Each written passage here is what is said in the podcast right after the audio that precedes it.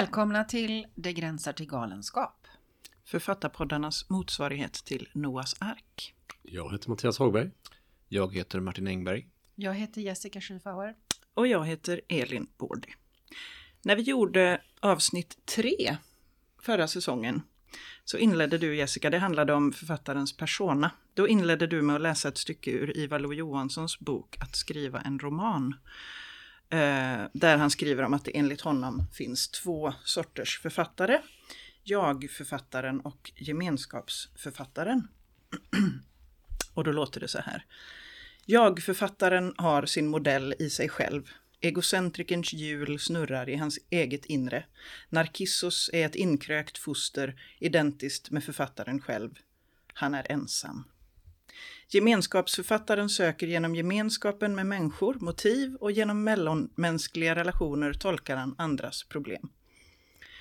Det första slagets författare kommer ibland upp med manuskript för att fråga vad de är värda. Ofta är diktarna själva 20 år. Deras diktförsök är explosionsartade utbrott där de sprutat ut sin livsförskräckelse över några skrivsidor, fyllda med inåtvänd kärlek och självömk. De tror att deras inre är så märkvärdigt att det talar för sig självt, utan särskilt arbete med formen. Det andra slagets författare kommer också ibland, fast mera sällan, och visar. De har skrivit en novell eller en roman om ett bygge, om en arbetsgrupp, om en flock hästar.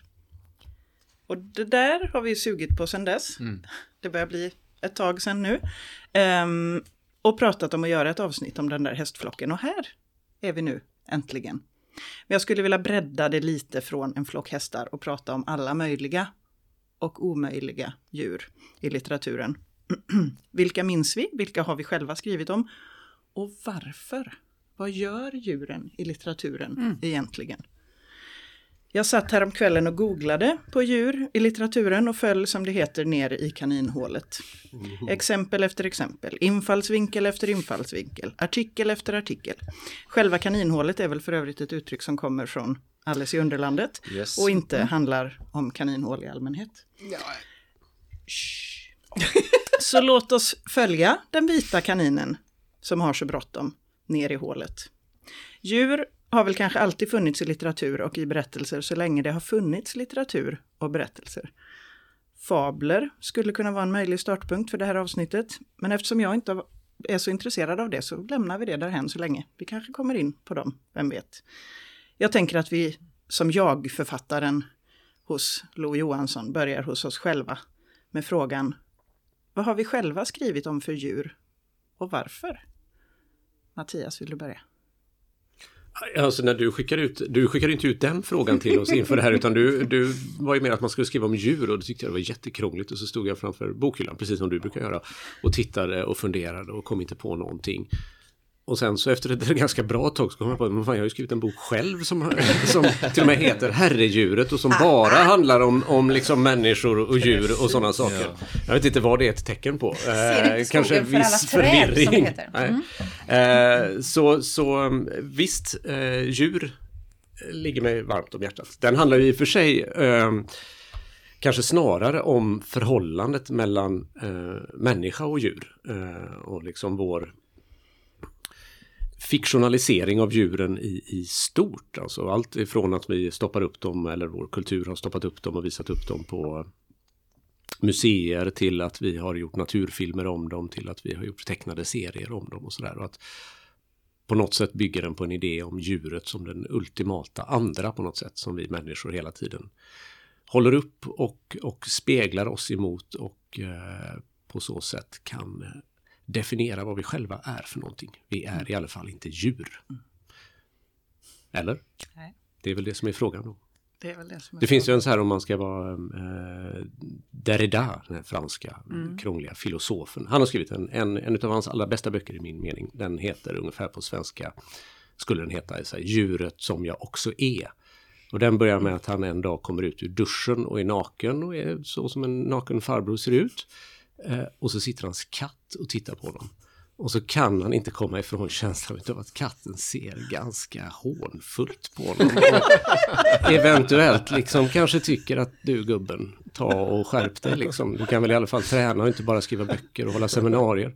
Eh, och det får honom att börja fundera liksom över den här att han, han har aldrig reflekterat över att katten faktiskt tittar på honom. Att katten har ett eget liv och att katten kanske har en föreställning om honom. Mm. Det är inte alls en, liksom en mänsklig föreställning men katten kanske faktiskt tycker någonting eller tyckte någonting om, om Derrida när han levde. Liksom.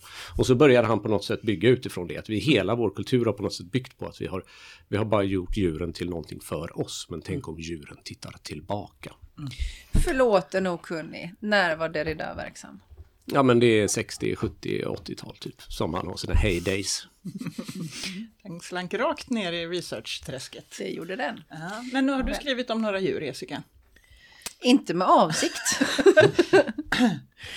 eh, jag tänkte på eh, när jag fick dina frågor så slog det mig att eh, jag har ju en idé om att min senaste roman Bärarna handlar om, eh, handlar om människor som lever mycket närmare naturen och mycket mer i samklang med naturen än vad vi gör eh, idag.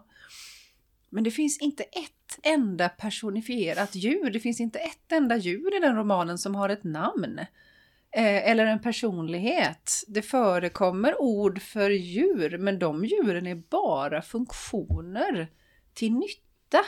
Vad mm. äckligt, tänkte jag. Där... Men det är väl också så att ingen äter djur i den boken? Det är sant. Det är... Inte förrän mot slutet. I alla fall. Eh, ja, just det.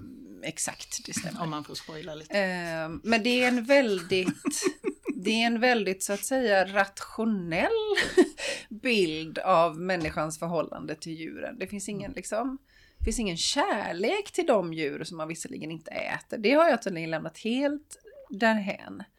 Det är lite som hur vi behandlar, eller kanske slentrianmässigt ser på djur, att vi inte ser på dem helt enkelt. Så du mm. inne på det mm. Mattias.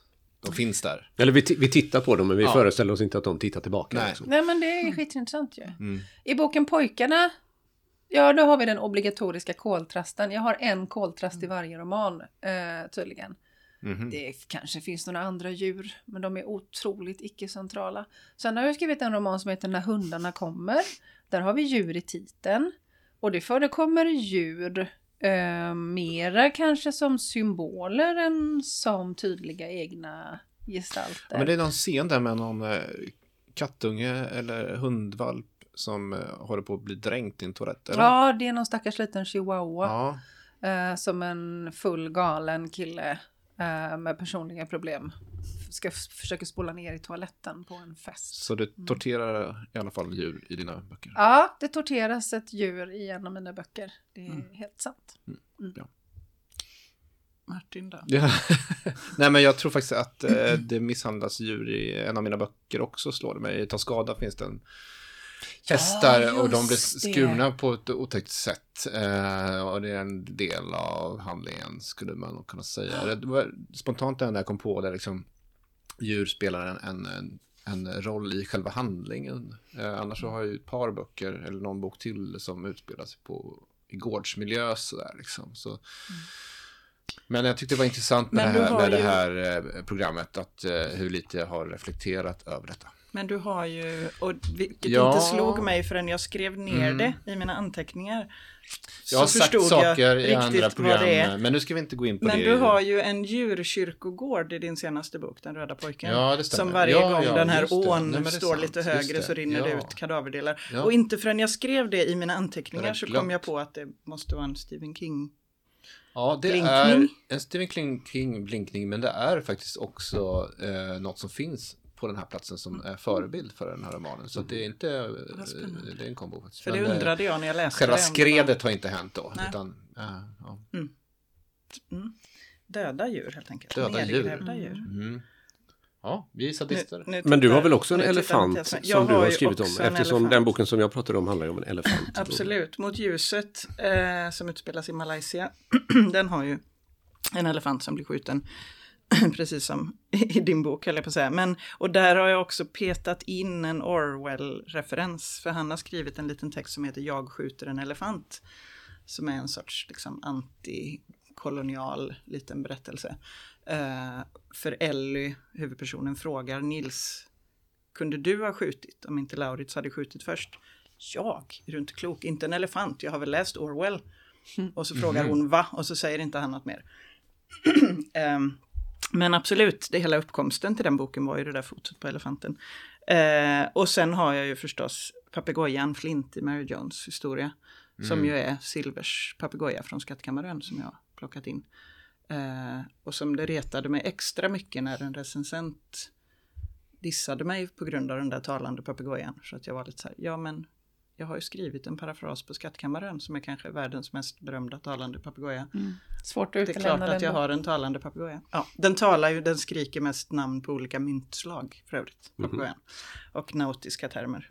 Um, men ja, alltså jag, jag har ju inte några sådana liksom jag tycker det var jätteintressant det här som du sa Mattias med att vi tittar på djuren men tittar dem tillbaks. Det, är ju, det, det kommer jag gå och fundera på kände jag. Um, men när jag uh, tänkte på det här avsnittet så vill jag också prata om en annan grej apropå när hundarna kommer.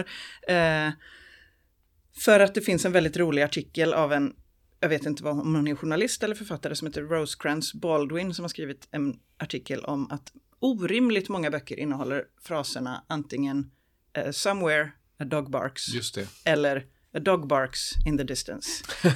och hon räknar upp Ulysses eh, av Joyce, hon räknar upp Richard Ford, Stephen King, Faulkner, Tolstoy, Virginia Woolf, Kurt Vonnegut, Mankel, Harper Lee. Eh, och det är verkligen en av de här två meningarna som finns. Somewhere a dog barks. Eh, och till slut så undrar hon liksom, men är det att betrakta mer som ett meme, alltså någonting man använder mm. medvetet, eller är det en kliché? Är det något man bara slänger in? Vad vill ni med de här hundarna? Just och det. ja, visst, emot ljuset, framåt slutet, där de springer på ett upplopp, så att säga plötsligt befinner sig i ett upplopp, så står det så här. Någonstans skäller en hund, korta, skarpa skall sedan åter den underliga tystnaden. Så att jag är skyldig till den hund som skäller. Och då började jag fundera på nämligen så här, är det inte så att de hör hundskall från andra sidan sjön i när hundarna kommer? Det har du rätt i. Um, men det är ju också en hund som är med i handlingen. Ja, när de ja, ja. tittar över på andra sidan sjön. De hör de här upprörda skallen.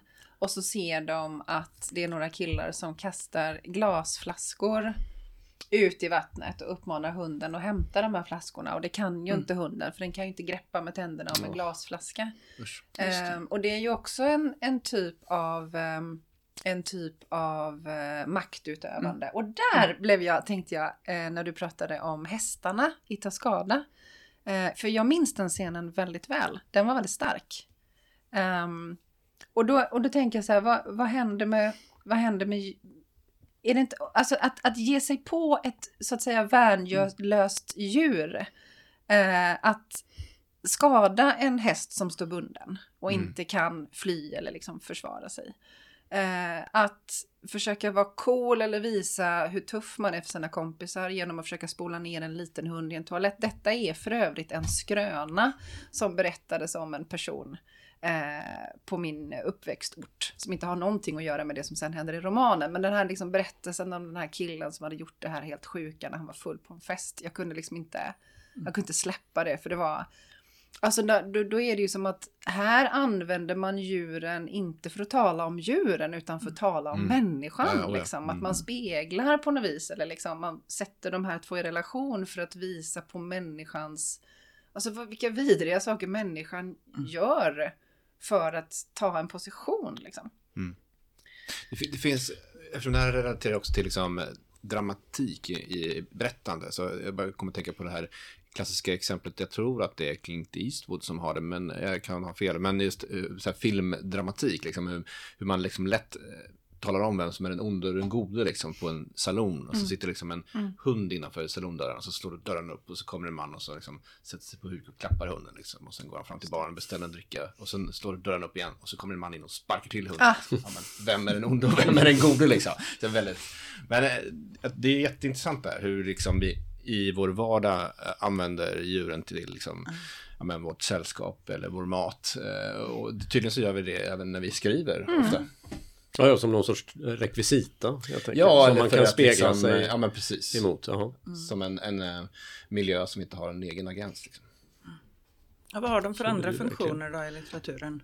Ja men det var bara på tal om det. Ja, så var om jag det, har ju pratat om... Ja, men jag har ju pratat om Olga Tokarczuk förr. Ja. Eh, och alldeles nyligen gjorde vi det också. Och, och då pratade vi om hennes liksom, den här önskan om att på något sätt skriva en ny typ av litteratur som kanske just liksom vänder på det här perspektivet och, och, och, och inte har människan eller individen i centrum utan lyckas skriva fram någon sorts ekologi, människa, natur, djur, eh, bla bla, eh, som, som liksom eh, och så kallar de detta för en, att skriva i fjärde persons perspektiv. Och det har de kanske aldrig lyckats med än själv. Men den här boken att eh, eh, Styr din plog över de dödas ben har de. Jag har den på engelska här nämligen så försökte jag översätta och då blev det fullkomligt eh, tilt i huvudet. Men den, den är, den är ju väldigt, det, det är ju en spänningsroman, en väldigt liksom klassisk här, men där man i alla fall väldigt länge tror att det är djuren som är mördarna. Och Ja. de är på något sätt agensen i den här romanen. Och, man är, och det, som är, det som jag tycker är fantastiskt med den är att, ja det kanske inte är så konstigt att komma på det, men, men att hon får en väldigt länge att tro på att det här, ja visst fasken är det rådjuren som har börjat ta ihjäl jägarna i den här Du, byn. alltså, Men Mattias, tror du verkligen det när du läser boken? Ja men alltså i, i, i, inom, inom ramen för bokens värld som Ja. den Man bygger Man, upp kan liksom. tro att, att författaren... Ja, ja men alltså den, hon, hon, har- hon har ändå byggt upp det på ett sånt sätt så att man är med på det här kontraktet. Att det handlar, den är ju skriven inifrån huvudpersonen. Den, den, Eh, alltså, den, den romanen har en av de bästa och mest, tycker jag, oväntad kanske, för, men den har en av de bästa twister jag någonsin har läst. Jag tycker den twisten är, s- alltså, snälla alla bara läs den, den är, den är svinbra. Det är väldigt roligt milt. också att det är rådjur, att det inte är vargar som Mhm. springer Ja. runt och dödar folk, utan det är små Ja. trippande spår i snön. Och bara, mördarrådjur! Ja, eller jungfrur som hon kallar dem också. Mm. Ja. Dessutom. Ja men då, den är i alla fall på väg till att vända på perspektivet. Att liksom här är det på något sätt, vi bara inte tittar på djuren liksom, utan de agerar tillbaka. Och är huvudpersonen här på något Ja. sätt. Nu inser Ja, jag nej, att men det, det, hon ser ju djuren. Det kan man säga till skillnad från de här böckerna vi har skrivit. Så finns ju de där och har liksom en egen plats. Ja. Jag inser att jag har ju skrivit en eh, skräcknovell, eller en kuslig novell, som heter Sniglarna. Som handlar om... eh, Som, Sniglarna är mördade. Nej. Eh, som, har kommit ut på, som har kommit ut på, på Vilja förlag. Eh, som eh, handlar om mördarsniglar i ordets rätta bemärkelse. Alltså sniglar som Killer faktiskt snails. har... Ja, killer Mm. snails. Ja, Det är så glömde jag. ovanligt att jag inte har läst en text av dig så jag blir helt perplex nu. Ja, för att... du kan få en. Jag Ja, har, jag har ett gäng där nere i min Ja. produktionsbokhylla i, i Hur källaren. mördar de? Ja, men, ja. Usch, Mm. vill vi veta? Jag tänker att jag ska inte spoila det. Nej. Utan eh, eh, går att beställa på Vilja förlag. Heter Sniglarna rätt upp och ner. Väldigt kort. Mm. Eh, nej, jag tänker inte berätta hur de mördar. Och sen är de kanske inte de som har den främsta agensen heller. Utan nej, nu när jag tänker efter så blir de faktiskt också utnyttjade av mänsklig människans behov. Mm. Mm. Ja. Så de är också ett verktyg. Det känns som att det är lätt att Men sen komma dit. finns det ju böcker där djuren själva, Kerstin Ekmans Hunden, där Mm. det är en hund som är Den har jag inte läst, men den har du pratat om Ja, det är en mycket. liten kort, lång novell eller kort roman. Det, är det inte så också i någon av Jack Londons böcker? Det är också hund. Jo, Skrid från vildmarken är Ja, kanske ja, en... Visst är det hunden som... Ja, är det en hund eller varg? Hundvarg? Ja, varg, hund? släd- Ja, vi säger hund. Varghund, ja. En slädhund. Mm. Ehm, vad finns det för fler sådana då? Det finns ju de här... ehm, Paul Auster har skrivit den också ur en Ah, hunds perspektiv. också en hund. Ja, just det. Timbuktu heter den va? Just det. Den har jag kanske läst och glömt bort. Men Ja. eh, du brukar prata om eh, Watership Down. Ja, nej, men och det är ju en, en ungdoms eller tidig, tidig tonårsläsupplevelse som jag hade som var jättestark. Som heter Den långa Den- den långa flykten. va? flykten. svenska. Som handlar om ett kaninsamhälle eh, där kaninerna... Oj, nu kom Elin Nu på kom någonting. Elin på någonting. Säg Ni skulle- kanin. Ni skulle sett den blicken. Eh, där, eh, ja men det, det, alltså det, det, kaninerna är liksom talande, tänkande, kännande, relationella varelser. Kaninerna, det, det enda som är att de är, det är bara kropparna och deras vill, livsvillkor som, som är kaninens. Annars så är de liksom person, vad heter de? Men de är människor. De är som människor liksom. Eh, och den har jag ju då läst om senare och när jag blev äldre på ett annat sätt sett att den är en, eh, eh, en kritik mot liksom eh, de, de stora megalomana diktatorerna Mm. och de villkoren som man hamnar under när det är en som har makten. Som Animal. Farm då. Mm. Animal Farm är ju kanske egentligen det praktexemplet där det är där man använder djuren för att spegla människor fast utifrån djurens egna perspektiv, alltså där djuren personifieras med mänskliga egenskaper. Den är jättebra tycker jag, Animal Farm. Håller en klassiker men- som det heter. Nej, säg du. Ja, nej, nej, men jag bara, bara, bara tänkte, för man, man har ju ändå det här liksom motsatsförhållandet och att vi hela tiden använder djuren som liksom någon sorts spegel och, och som att det finns en gräns. Liksom. Och därför så finns ju hela den här litteraturen där på något sätt den gränsen eh, luckras upp. Och då blir automatiskt skräcklitteratur på något sätt. Att man är där i gränslandet med människor som är halvdjur och, Eller och sånt. Och, uncanny eller? Ja men precis och då blir det genast kusligt med en gång. Och det måste ju, tänker jag, bero på att vi har den här väldigt tydliga bilden av att djuren är någonting annat. Och fort vi blandar det liksom, då blir det Det går, det, det, det, Läskigt, det sker som i- ja, som i Kafkas till exempel. Som jag tog med. Som ligger här någonstans. metamorfos. Ja men Han precis, och förvandlingen är en där eh, George Samsa som är, är textilhandlare vaknar en morgon och är en skalbagge Mm. liksom. Eh, och eh, det leder till att hans familj börjar frakta honom och till slut har ihjäl honom. För han är ändå bara en skalbagge liksom. Och, Mm. Ett skadedjur. ett skadedjur ja, som ligger där inne och, och slutat jobba och sånt. Men då händer ju någonting, då blir det helt plötsligt äckligt liksom. Att, att vi skulle vara djur. Det är någonting jävligt eh, känsligt fortfarande med den Det, gränsen händer, där det liksom. händer ju någonting mellan Montaigne och Descartes, rent filosofiskt här, som jag sitter och tänker på här nu. Alltså, eh, Montaigne talade ju på ett ganska vackert och ömsint sätt om människan som ett av djuren. Eh, och gav då även, tycker jag, djuren lite större animation eller liksom själsliv och så vidare. Medan Descartes ju var den som, som skilde människan från djuren med sin filosofi. Djuret är en maskin. Djuren är en kroppslig mekanik. Djuren har instinkt och betingad reflex. Men djur har ingen själ och inga känslor. Människan har en samma sorts mekaniska kropp som djuret, men den är besjälad. Och där går skiljelinjen som står, alltså som är basen för hela vårt moderna sätt att förhålla oss till naturen idag. Vilket ekofilosoferna och eh, vad heter det, humanekologin nu försöker kanske börja jobba mot igen. Liksom. För det har ju inte blivit så bra alla gånger. Att vi ser som naturen som någonting som finns där för människan att utnyttja. Det har lett till ett och annat problem. Om man ska tala milt. Oj, nu, just det, nu börjar jag tänka på det. Vad vad var vi? Nej, Förlåt. men jag vill bara säga vad min eh, plötsliga Kanin, ja. blixt var här. Som Kanin. jag, Kaninblixten. ja, Kaninblixten. och det var ju inte kaniner, men det var ju att jag har glömt en av min ungdoms stora läsupplevelser som är Nims hemlighet. Har ni läst den? Jag älskar den! Eller Den är hur? fantastisk! Som handlar om som handlar om råttor. Jaha. Möss och råttor. Jag tror att för, den första huvudpersonen är en liten mus som stöter på ett Mrs råttsamhälle. Brisby Ja, heter hon, som stöter på ett musen. råttsamhälle. Och de här råttorna har ju kommit från ett laboratorium, rymt. Nu bor de under typ en rosenbuske. Men de är ju otroligt intelligenta, otroligt högt Mm. utvecklade. De har elektricitet, de kan odla. fantastisk. Den är fucking fabulous, ursäkta språket. Ja, men den- är, den- den är jättebra. Och den, ja, det finns en nog också en tecknad film Ja, en på den. jättefin filmatisering. Mm. Men jag hade, he- jag hade inte en tanke på den förrän du sa kaninsamhälle. Just och då det, såg jag de här råttorna under den här busken. För hon går till dem för att få hjälp. För att, För att hennes, son son. Timothy, han, är, Mm. han har Just lunginflammation. Och nu kommer vår, eh, nu ska de ploga och hon bor vid en sten som hon vet att plogen kommer välta. De måste flytta de Timothy flytta och han är. Mm. jättesjuk och det är farligt att flytta honom. Men råttorna har teknik. Men den är väldigt, väldigt fascinerande. Men, men frågan är, ja, jag har inte läst om den på Nej, väldigt länge. den tål nog att läsas om Ja. med lite vuxnare Ja. blick. Åh, vad roligt! Åh, vad roligt att du nämnde den. Den hade jag också glömt. Men skulle det liksom gå att skriva, eh, ja, för då, där låter de ju ändå lite som, som förmänskligade igen liksom, Oh ja, djuren på oh något ja. sätt. Att de, de, har- de är som oss fast de bara har päls liksom och en svans.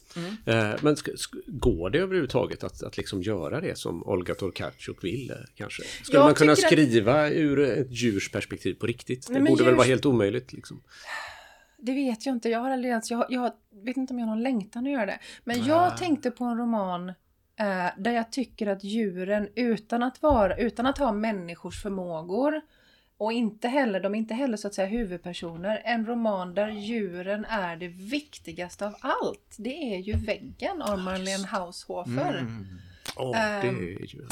Hon hamnar ju bakom någon form av osynlig vägg som är faktisk. Hon kan inte, hon är uppe i Alperna någonstans i en alpstuga. Det finns bara natur, det finns inga andra människor där hon är. Och så kommer den här väggen en morgon och hon måste stanna på den här platsen. Och på den här platsen så finns det en hund, en katta, en ko. Och kon visar sig vara dräktig och föder en tjur. Och katten blir också dräktig och föder en kattunge. Och de här djuren är hela hennes liv. Allt hon gör är för att hålla sig själv men kanske främ, framförallt hålla djuren vid liv och skapa en dräglig tillvaro för dem. De här djuren har inga mänskliga egenskaper. Men de har verkligen, tycker jag, hon skriver fram de egenskaper som djuren har i sin relation till oss människor. De blir, alltså jag minns de här djuren så himla väl. Jag blir så ledsen när det händer jobbiga saker för djuren i den romanen. Och jag vet inte hur hon gör detta. För det är egentligen en ganska torr redogörelse för hur hon matar och hur hon tar ut en tagg ur en tass och hur hon klappar kon som är dräktig och har ont och har födslovärkar och hur hon funderar över hur ska de få vatten, hur ska de få hö till nästa vinter, jag måste ta med dem dit där det finns bete, jag måste hm, jag måste hm. Den är väldigt så här bondepraktiga, pragmatisk på något vis och ändå så är den tycker den är otroligt stark. Men jag, för jag eh, liksom har tänkt mycket på den och att eh, vad hon gör är att hon på något sätt går den motsatta vägen. Om vi, om vi ofta som de sakerna vi pratar om här är att djuren liksom blir människor på något sätt så kastar hon tillbaka människan tillbaka Ja. in i naturen liksom. Exakt. Och så är det så här, det är den här lilla bubblan hon är i och där är hon på samma villkor som Ja. katten och kossan och, och, och sådär. Och så, och så är hon ett djur igen som bara ska Mm. överleva. Eh, och så lyckas hon gestalta det på ett sånt sätt så att det är verkligen där man är, någon sorts väldigt basal existens på något sätt. Att bara ta sig också- vidare. Och det, är inte, och det är ändå inte liksom någon konstruktion, det är liksom inte någon mänsklig konstruktion som har gjort detta, ett krig eller något sånt där som har gjort den tillbaka till att man bara är en biologisk varelse eller något sånt där. Utan det är någon någonting som är bara helt overkligt och så är den här situationen där och så är det bara att leva med den. Det är, ju, Eh. det är ju att hon tar bort möjligheten till något relationellt mellan människa och människa. Mm. Eftersom hon är den enda människan. Och då blir det relationella mellan henne och djuren. Mm. Och det, är precis, det är precis som du säger. Hon blir också ett djur, eller måste liksom leva med djuren på djurens vanliga villkor. Men det är ju skrivet med en sån enorm kärlek tycker jag. Mm, och precision på något Ja. sätt. Liksom. Den är, ja. Men alltså det tänker jag nu när ni pratar om det så, att det vill jag gärna läsa mer om, alltså människors relation till djur, eller liksom eh, två individer då, ett djur och en människa som har relation. Jag tänker att Kerstin Ekmans senaste på ett sätt handlar ju om en man som har en, på ett sätt en relation med en varg, eller förhåller sig Löpa på, varg, ja. på löpa varg till den här eh, vargen liksom på ett eh, ja, men, sätt så att han, han ser den här vargen och liksom föreställer sig hur den. Jag läste nyligen en, en bok som var ganska bra för övrigt, men eh, som innehöll partier där man skildrar liksom inifrån en orms perspektiv. Kräldjurs eh, memoarer. Och ja, jag hade gärna hoppat över just de partierna, ska jag säga. För det, blev- det blev... Alltså, det, Dåligt, var- obegripligt. Ja, det blev inte bra. Men det, finns, men det finns en fantastisk bok som inte är en roman men som heter H som är hök. Som är av en Ja, engelsk författare som det. heter Helen MacDonald. Hon, eh, den börjar egentligen med att hon går in i en depression när hennes pappa dör. Eh, och, och så börjar hon, hon köper en duvhökshona och börjar träna den. Och det är liksom inte första gången för henne utan hon har levt med rovfåglar innan. Men hon har inte så att säga gjort den här grejen själv innan. Eh, sen handlar den brett om människans relation till djur och kanske framförallt fåglar. Eh, andra texter om att träna jaktfåglar. Eh, men det finns otroligt fina partier där hon då, först tränar man ju den här fågeln att bara liksom lyfta från ens handske och flyga efter ett, en köttbit med en lina så att han alltid ska komma tillbaka. Sen ska man börja träna den att flyga utan lina och ändå komma tillbaka till en. Eh, och sen när hon jagar med den här fågeln, alltså det är fågeln som hittar byten, kaniner och småvilt. Och de springer liksom genom häckar och över fält eh, på den eng- engelska landsbygden. Och hon upplever att hon är i huvudet på den här höken. För att de springer parallellt och hon måste se landskapet så som fågeln ser den. Helt fantastiskt. Helt Mm. fantastiskt. Och, och så fint skildrat så att man ja, verkligen är där och fattar det. För det låter som vansinne på ett sätt men också blir helt rimligt när man har följt hela den här resan. Eh, ja, det första hon gör är ju bara att ta hem den här fågeln, ha den på en sittpinne med huvan. Och sen när hon ska ta av huvan då gör den, den kastar sig tror jag att det heter, den, den slänger sig ner från, från pinnen med vingarna ut så fort hon rör sig. Så hon måste bara så sitta helt still jättelänge för att fågeln överhuvudtaget ska acceptera att hon är nära. Alltså det är så fina skildringar. Mm.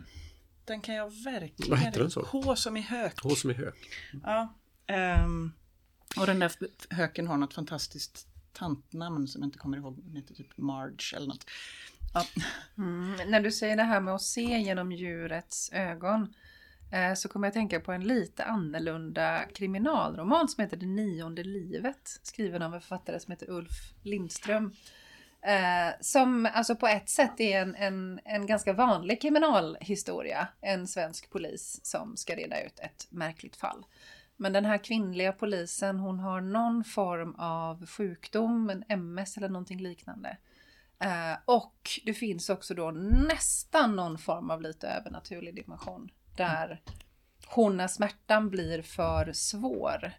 Mm. Eh, läm, alltså får någon sorts möjlighet att lämna sin kropp och eh, gå in i ett djurs kropp och leva genom det tillfället. Vilket periodvis också blir ett sätt för henne att se saker som hon inte kan se i mänsklig skepnad. Den är jättespeciell.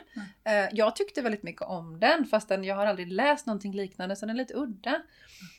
Um, men där finns det också liksom någonting med att djuren har någonting som vi saknar, liksom, som, vi, som vi behöver. Mm. Jag kommer att tänka på Philip Pullmans uh, Mörk materia-trilogi där djuren har en liknande mm. funktion som just det, just det. Uh, att alla, alla människor har liksom, uh, men, en diamond som är någon mm. sorts själ som befinner sig i en djurkropp mm. som alltid följer med. Liksom. Mm. Och, och innan de blir vuxna så har den, eh, eh, har den olika former. Sen när man blir vuxen så, så, så får den en fast, mm. fast form. Den är väldigt fin. Mm. Man önskar ju... väldigt mycket att man skulle ha en diamond när man har läst om den. I alla fall jag ja, som precis, är ett barn. Ja.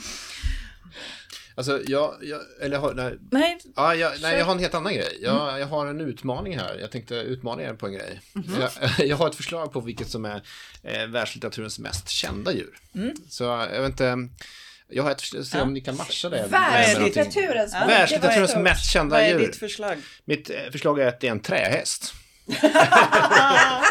Räknas döda så att säga icke-levande djur? Ja.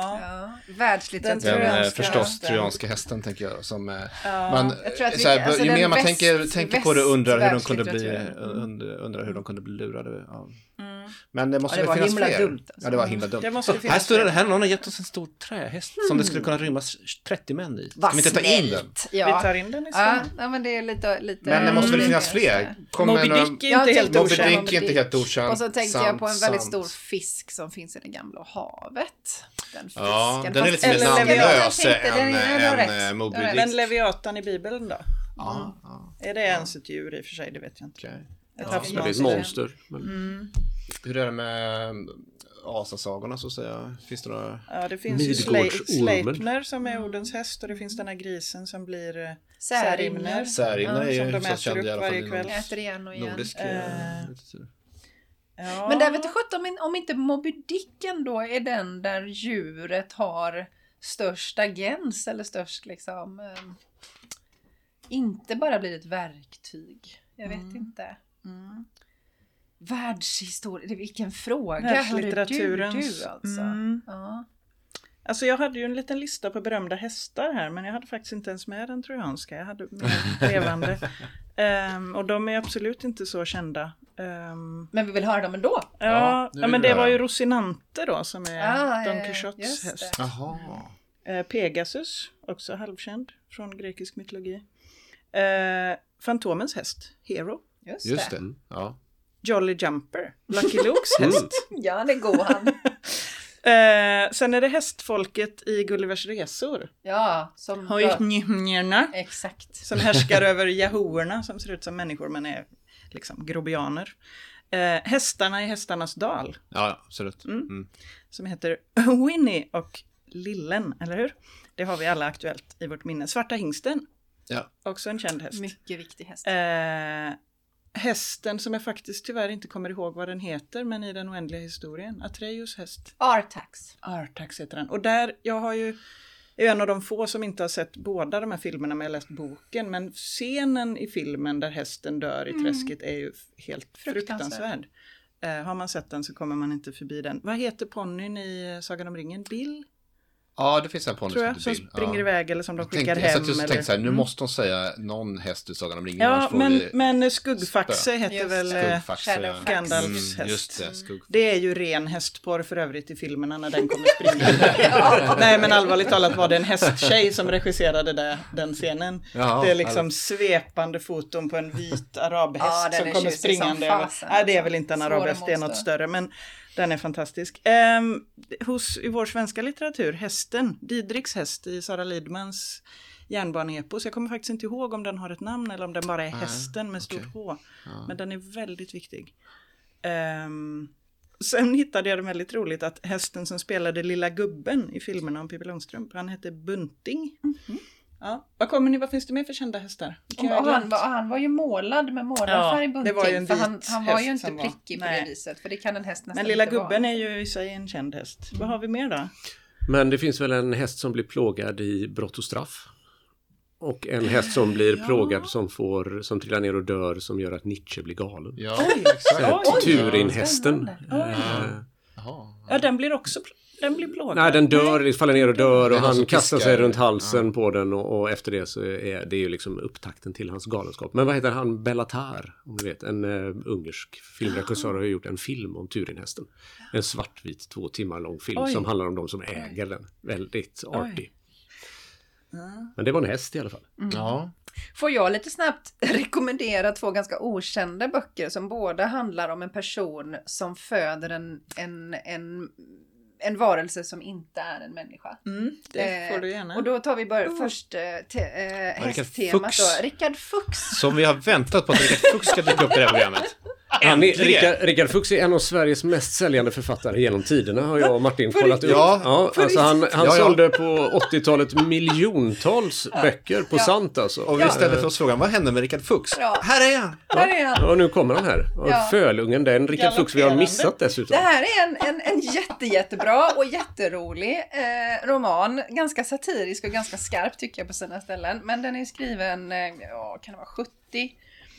Eh, nej, 87 kom den ut första gången.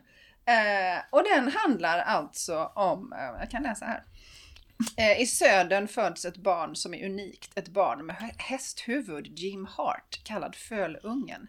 Hans morföräldrar begriper sig inte på honom, småstadsprästen vill lyncha honom, bordellmamman vill skydda honom och hans mor Diane älskar honom. Hon flyr med sin son undan helvetesprästens upphetsade församling och ger sig ut på långa flackande färder som kommer att föra Fölungen genom alla skikt av det amerikanska samhället. Från bakgator och trakasserier till luxuösa mil- miljardärsvillor, trånande filmstjärnor med tycke för hästar och hela vägen upp till Washingtons politiska intrigspel. Det här, Den är Oj. faktiskt väldigt, väldigt rolig. Har vi, vi- måste, alltså, vi måste ju ändå gå till botten med frågan också. Vad hände med Rickard Fuchs? Ja, jag vet Varför? inte. Han kom då med en skrattsuccé 75 som heter Visst den är sjuk. Och sen så kom han med den här 87 och jag vet att han har skrivit ytterligare någonting som stod i min mormor och morfars bokhylla. Jag minns inte Men nu känner jag mig helt obildad för jag har aldrig hört talas om den här Nej, människan. han är Ja, ju... vara han skrev mest- många skrattsuccéer Ja, på 80-talet ja, alltså kan jag är så här- säga. På, våran... Eh, Bonniers bokklubb, bra böcker. Ja. Ja, i sådana här... Men du hade ett eh, tips på till där, om vi ska... Ja, eh, en eh, ungdomsboksförfattare som har fått Alma-priset som är fantastisk, som heter Meg Rosoff. Hon har skrivit en tunn, fruktansvärt rolig liten roman som heter Älgbarnet. Som handlar om en kille och en tjej som blir gravida, men de föder inte ett barn, utan de föder en otroligt gullig liten älg. Ja, så kan det gå. Och då måste vi bara, jättesnabbt, Dopplers älg. Ja, just det! Erland Lo. Alan Han som blir kompis med en älg i Honom vi skogen när han om. har eh, Vad hette älgen? Ja, vad lämnat hette familjelivet. älgen? Tänk Ja. att jag kunde ha glömt det, som jag skrattade. Ja, ni som hör på detta får gärna tala om för oss vad älgen heter Mm. i Doppler. Pris utgår inte.